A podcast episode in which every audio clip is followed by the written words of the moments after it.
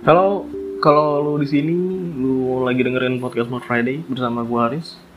Ini direkam di tanggal oh, 4 Juni 2021. Dan gua nggak tahu ini bakal diupload kapan karena gua kalau ngebuat podcast itu hanya berdasarkan dari pikiran-pikiran kamar mandi yang diperluas lewat research.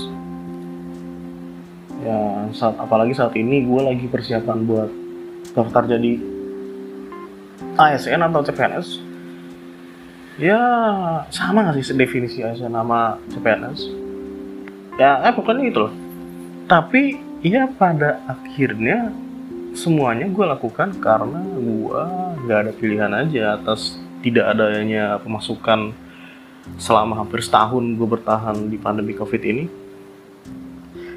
Dan gue sebenarnya cukup beruntung dengan adanya kondisi gua di mana gua masih bisa bertahan karena orang tua gua itu masih kerja.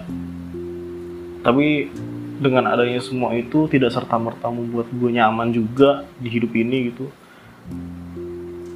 Dalam ya dalam ketik bokap nyokap mah nggak ada bangga bangganya kan? Dan kalau lo mau tahu gua itu udah nyari pekerjaan lewat online. Itu udah dari tiga bulan setelah pengurangan tepatnya 1 April 1 April kayaknya 2020 ya jadi secara harfiah kayak tiga bulan itu secara tiga bulan itu gue udah membuang waktu gue dengan kegiatan-kegiatan yang sebenarnya ya udah jadi rutinitas gue lah. Yaitu perbahan hmm.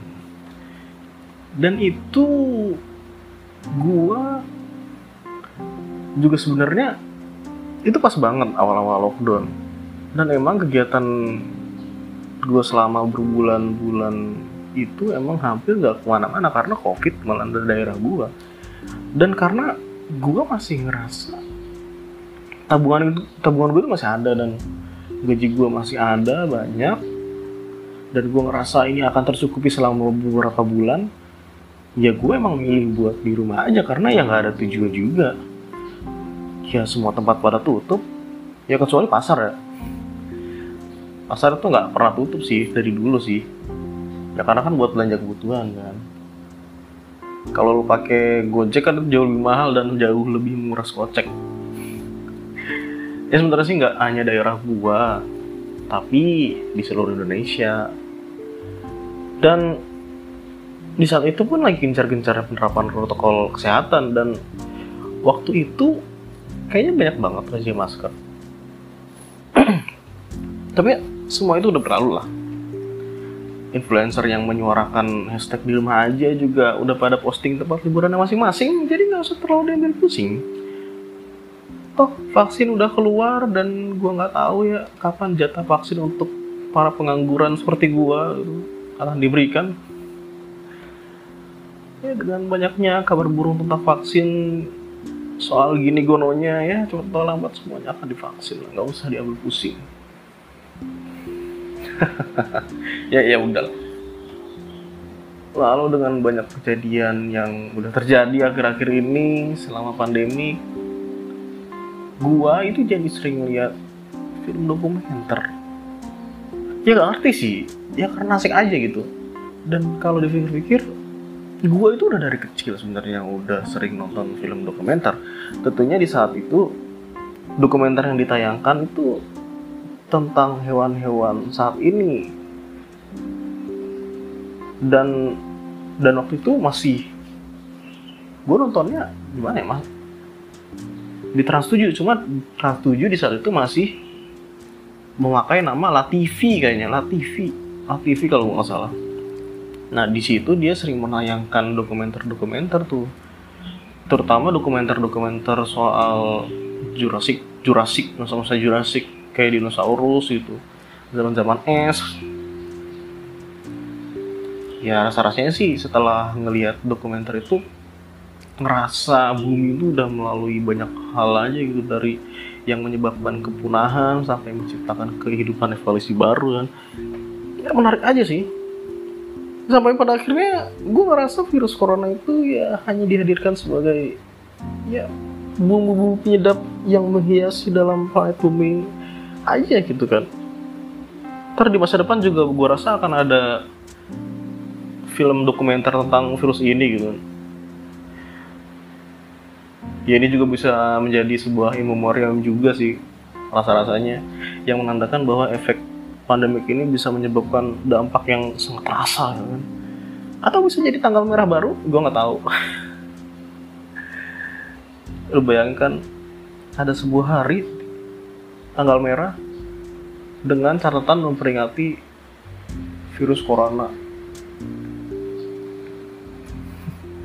Dan itu ditandai dengan adanya orang yang terkena pertama kalinya dengan virus corona itu di sini nih di Indonesia. Gue nggak tahu sih siapa yang kena duluan itu harusnya jadi patokan tanggal. Dan acara peringatan itu dirayakan ya dengan tujuan ya tujuannya apa ya? Mendoakan para korban COVID kayak lumayan. lumayan eh by, by the way orang-orang di beranda gue itu juga cukup banyak yang nge-share soal ozon mulai menutup lubangnya ya di era pandemik ini gitu. Gak ngerti sih. Tapi kalau lu tahu sebenarnya eh, sebenarnya ozon itu ya emang udah bolong sebelum pandemik ini karena ada sebuah post di Instagram yang namanya nama IG-nya itu bukan intinya ada sebuah akun Instagram yang namanya itu fakta-fakta apalah gue ngerti dan itu nge-share bahwa dengan adanya virus corona ini ozon jadi tertutup di Antartika. Dia bilang sih Antartika kayaknya. Ya Antartika sih kutub selatan sih ya. Tapi dia bilang kutub utara sih ya. ya memang kejadian di itu di kutub utara sih. Tertutupnya ozon itu sebenarnya di kutub utara. Emang sebenarnya di kedua belah kutub itu emang ada kejadian ozon berlubang gitu di daerah di daerah itu. Sebenarnya disebabkannya kalau dibilang karena global warming tuh kayaknya enggak sih. Ya emang jadi kalau lu mengenal istilah polar vortex. Di sana itu ada yang namanya polar vortex. Polar vortex itu kayak semacam angin kencang yang ngejebak udara dingin di lapisan es itu. Jadi itu terjadi selama beberapa minggu lah berturut-turut gitu. Berturut-turut tuh muter terus angin kencang terkait tornado gitu. Jadi saking kencangnya itu angin dampaknya itu bisa sampai merobek ozon. Ini pada intinya kalau lo lihat Twitter gitu, kalau lo lihat Twitter gitu, jadi camps, jadi camps itu camps itu sebuah ilmu orang ah, sebuah ilmuwan jadi seorang ilmuwan. Camps itu sebuah singkatan. Singkat namanya itu Copernicus Atmosphere Monitoring Service. Itu dia mengatakan di twitternya yang mana bahasa Inggris gue artiin aja sih jadi lubang ozon di Arktik ini sebenarnya tidak ada hubungannya dengan kebijakan karantina wilayah atau lockdown terkait virus corona, tetapi lebih disebabkan pusaran kutub yang kuat dan berlangsung lama. Yaitu si dia ya yang bilang melalui akun Twitternya. Kalau ya kalau pengalaman penggambaran gue secara orang awam sih ya karena angin pusar tadi itu yang terjadi selama beberapa minggu ya lu bayangin aja rumah lu dipapar angin tornado 10 menit juga langsung lenyap apalagi angin pusaran yang beberapa minggu terus kejadian gitu kan. Ozonnya tidak kuat bro. Eh dan by the way gue habis nonton sisi perasi ya di Netflix. Sebenarnya filmnya udah cukup lama sih. Cukup lama gak sih? Kayaknya baru baru bulan-bulan ini ya karena di Twitter banyak menyuara menyuarakan nonton inspirasi kan. Kayaknya cukup oke. Okay. itu juga terbilang film dokumenter sih film itu membahas illegal fishing penangkapan ikan berlebih dan lain-lain ya. Ya kalau nonton nonton nonton sendiri lah. Tapi emang di setelah nonton itu lo pasti ada rasa-rasa kesel diiringi rasa kasihan tapi di sisi lain mirisnya habis lo nonton itu ya berasa lewat gitu aja gitu. Kayak ya udah. Ya mungkin lu prihatin coba lu nggak bisa ngapa-ngapain kalau nonton hasil investigasi kayak gitu bisa terbilang ngebantu nggak sih? Bisa terbilang nyupport nggak sih? Menyuarakan begitu aja gitu. Tapi kejadiannya masih terus berlanjut gitu ya. Gue nggak ngerti sih. Tapi ya coba yang kau pikir sih di itu ada sebuah scene yang di mana membahas perburuan hiu sih. Ini menarik banget sih. Yang diambil siripnya doang coy. Dan parahnya nih ya parahnya kalau gue tuh sebenarnya udah tahu kalau hiu itu diambil siripnya gitu, doang gitu. Dan gue pikir dagingnya itu bakal dimakan juga dan dimanfaatkan untuk apalah gitu. Cuma ketika ada tampilan hiu yang dipotong di inspirasi itu ternyata daging dagingnya itu tidak dimanfaatkan. Jadi hiu itu cuma diambil siripnya doang gitu. Diambil siripnya doang dan dagingnya. Dan badannya itu itu dibuang ke laut. Lu bayangin aja coy. Itu dia dibuang ke laut dengan keadaan tanpa sirip itu kenapa? Ya lu bayangin aja ketika lu lihat hiu di di laut tapi kagak ada siripnya itu dia gak bisa berenang cuy karena gue pernah ngeliat film dokumenter di mana ada ada hiu yang masih hidup ketika sirip dan sirip sirip dan yang samping-sampingnya itu dipotong tuh dia masih hidup dan dia nggak bisa berenang coy itu dia ada dia tuh dia tuh nggak bisa berenang dan dia tuh cuma tergeletak di terumbu karang aja gitu tanpa bisa ke mana-mana di laut itu uh men hati gue langsung Yes. Terus saya itu kayak lu ninggalin orang buntung tanpa alat bantu di tengah jalan, jir. Dan bahkan hiu yang mana kalau lu tahu itu ya mungkin udah semua lu udah semuanya udah tahu lah kalau hiu itu ya kan predator yang fungsinya itu ya buat ngejaga ekosistem di lautan luas gitu. Soalnya keberadaannya keberadaan hiu itu menandakan kalau ekosistem laut itu lagi dalam kondisi baik jadi kalau populasi ikan yang ganas itu nurun, maka ya dipastikan maka akan turun juga kualitas ekosistem di laut di segi di sekitarnya. Baik lagi ya itu ditangkap cuma diambil siripnya doang.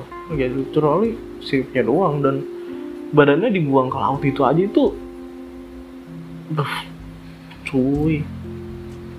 Sebenarnya kalau lo tahu mengonsumsi itu mengonsumsi bagian dari hiu itu nggak nggak nggak sehat-sehat amat sih so kalau research juga soal subsidi ikan hiu tuh kan biasanya kan subsidi hiu tuh dijadiin sup sup ya sup.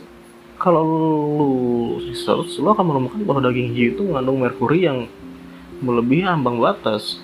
Kalau lu cari jadi ada sebuah profesor ada sebuah profesor lagi ada seorang profesor Dr. Ahmad Sulaiman guru ber, guru besar bidang keamanan pangan dan Institut Pertanian Bogor. Itu bilang metabolisme dagingnya begitu mati membentuk biogenik amesses yang bikin bau seperti air seni itu kata Sulaiman. Jadi sebenarnya nggak ada bukti ilmiah yang mendukung hidangan hiu bermanfaat positif bagi kesehatan kan? Ya bukannya sebenarnya untuk bukti ilmiahnya yang mendukung hidangan hiu bermanfaat, bermanfaat positif bagi kesehatan itu sebenarnya masih belum ada atau nggak ada sih.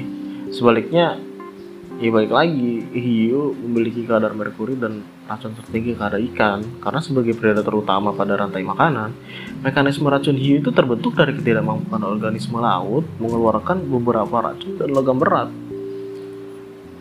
racun ini terakumulasi dalam tubuh ikan dengan memakan ikan lain. Jadi kalau lo nge, hiu itu hanya memakan ikan-ikan sakit dan lemah.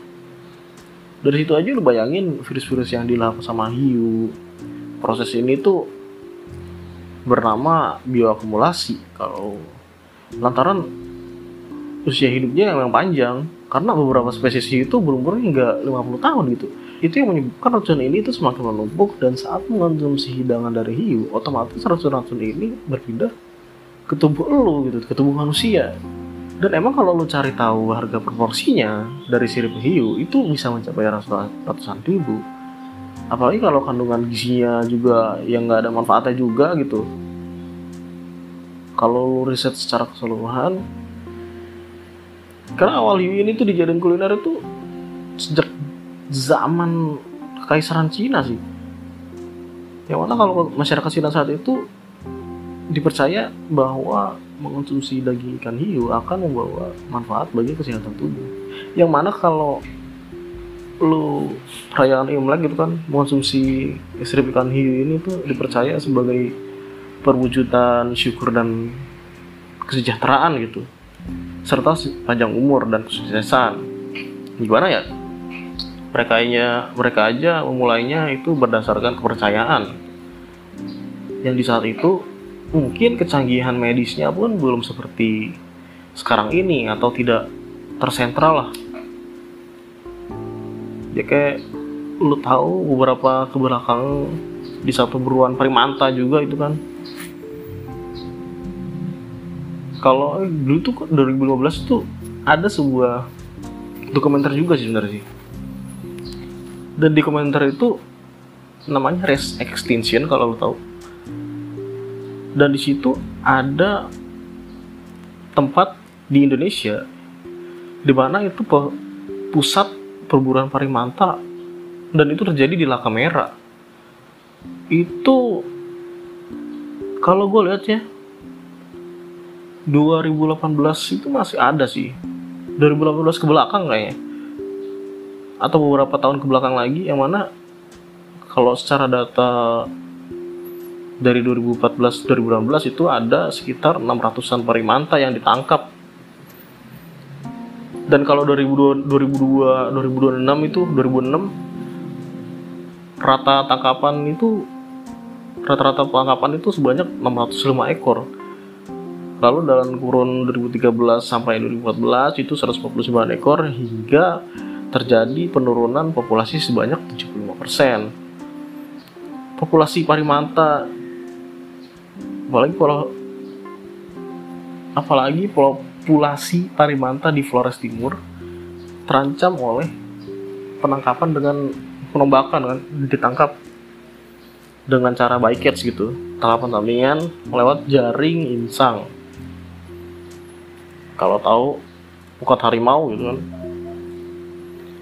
Penangkapan pari manta juga diketahui meningkat pada akhir 1990-an ya yang disebabkan adanya permintaan tinggi juga untuk ekspor ke Cina untuk nelayan daerah sana yang mana sekedar lu tahu manta itu punya reproduksi yang lambat untuk matang secara seksual parit betina membutuhkan 8 sampai 10 tahun dan perlu 2 sampai 5 tahun untuk menghasilkan seekor keturunan.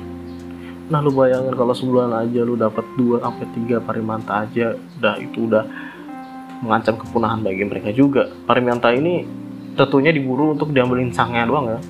Yang mana kalau di, di Tiongkok atau Cina dimanfaatkan sebagai obat kuat dan menurut kepercayaan mereka insang primata dapat menyembuhkan beberapa penyakit dalam. Ya memang orang Tiongkok sangat suka obat herbal ya. Karena kalau lu kalau lu ke toko-toko Cina gitu kan.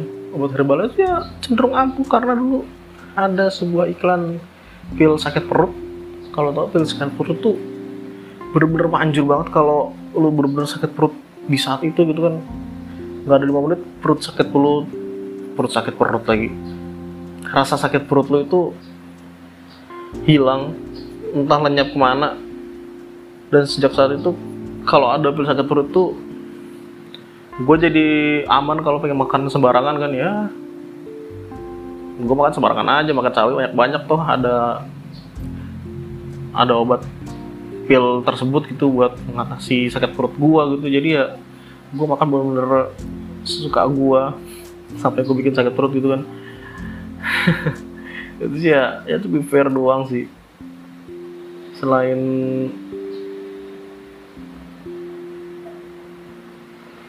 ya ya pokoknya sebenarnya tuh be fair dulu juga beberapa waktu belakang kalau infonya sih ada sebuah universitas. Kok sebuah lagi? Kenapa gue suka ngomong sebuah ya? Sebuah ya oke lah.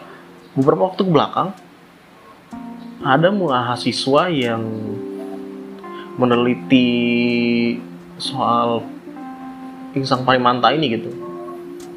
Di hasilnya sih ditemukan bahwa tulang rawan ikan pari itu dapat membunuh sel kanker khususnya kanker serviks ya awalnya para mahasiswa ini melakukan pengamatan terhadap tulang rawan ikan pari yang jarang diolah industri dan hanya menjadi limbah padahal 80% komponen tumbuh ikan pari terdiri dari tulang rawan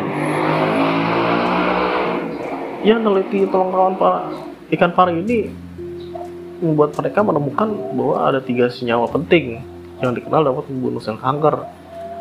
Anti proliferasi, anti metastasis, anjir anti metastasis dan antiangiogenesis.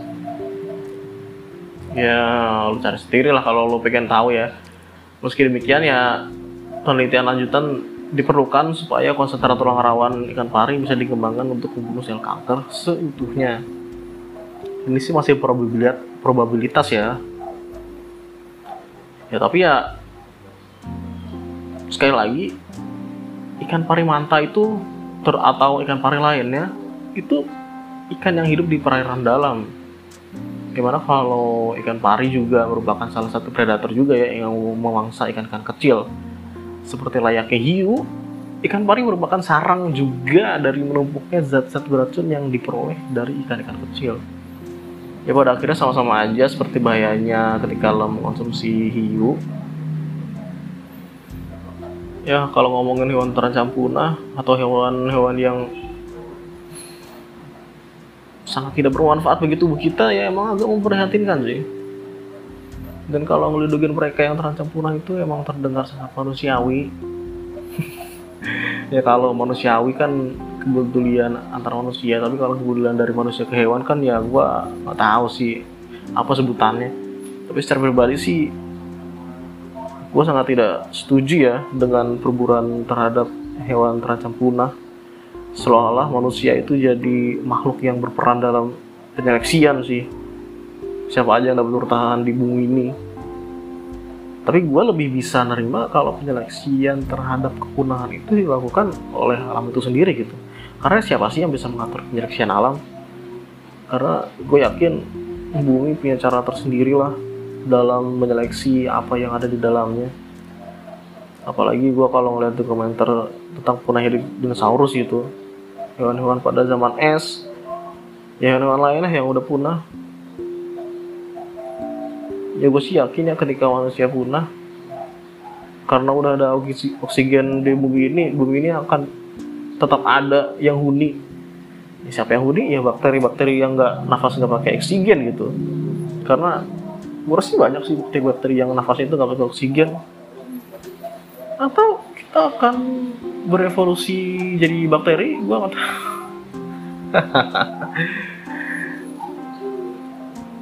Ya terus oke okay lah. Apa lagi ya kayaknya udah aja lah. Ya dan. Bye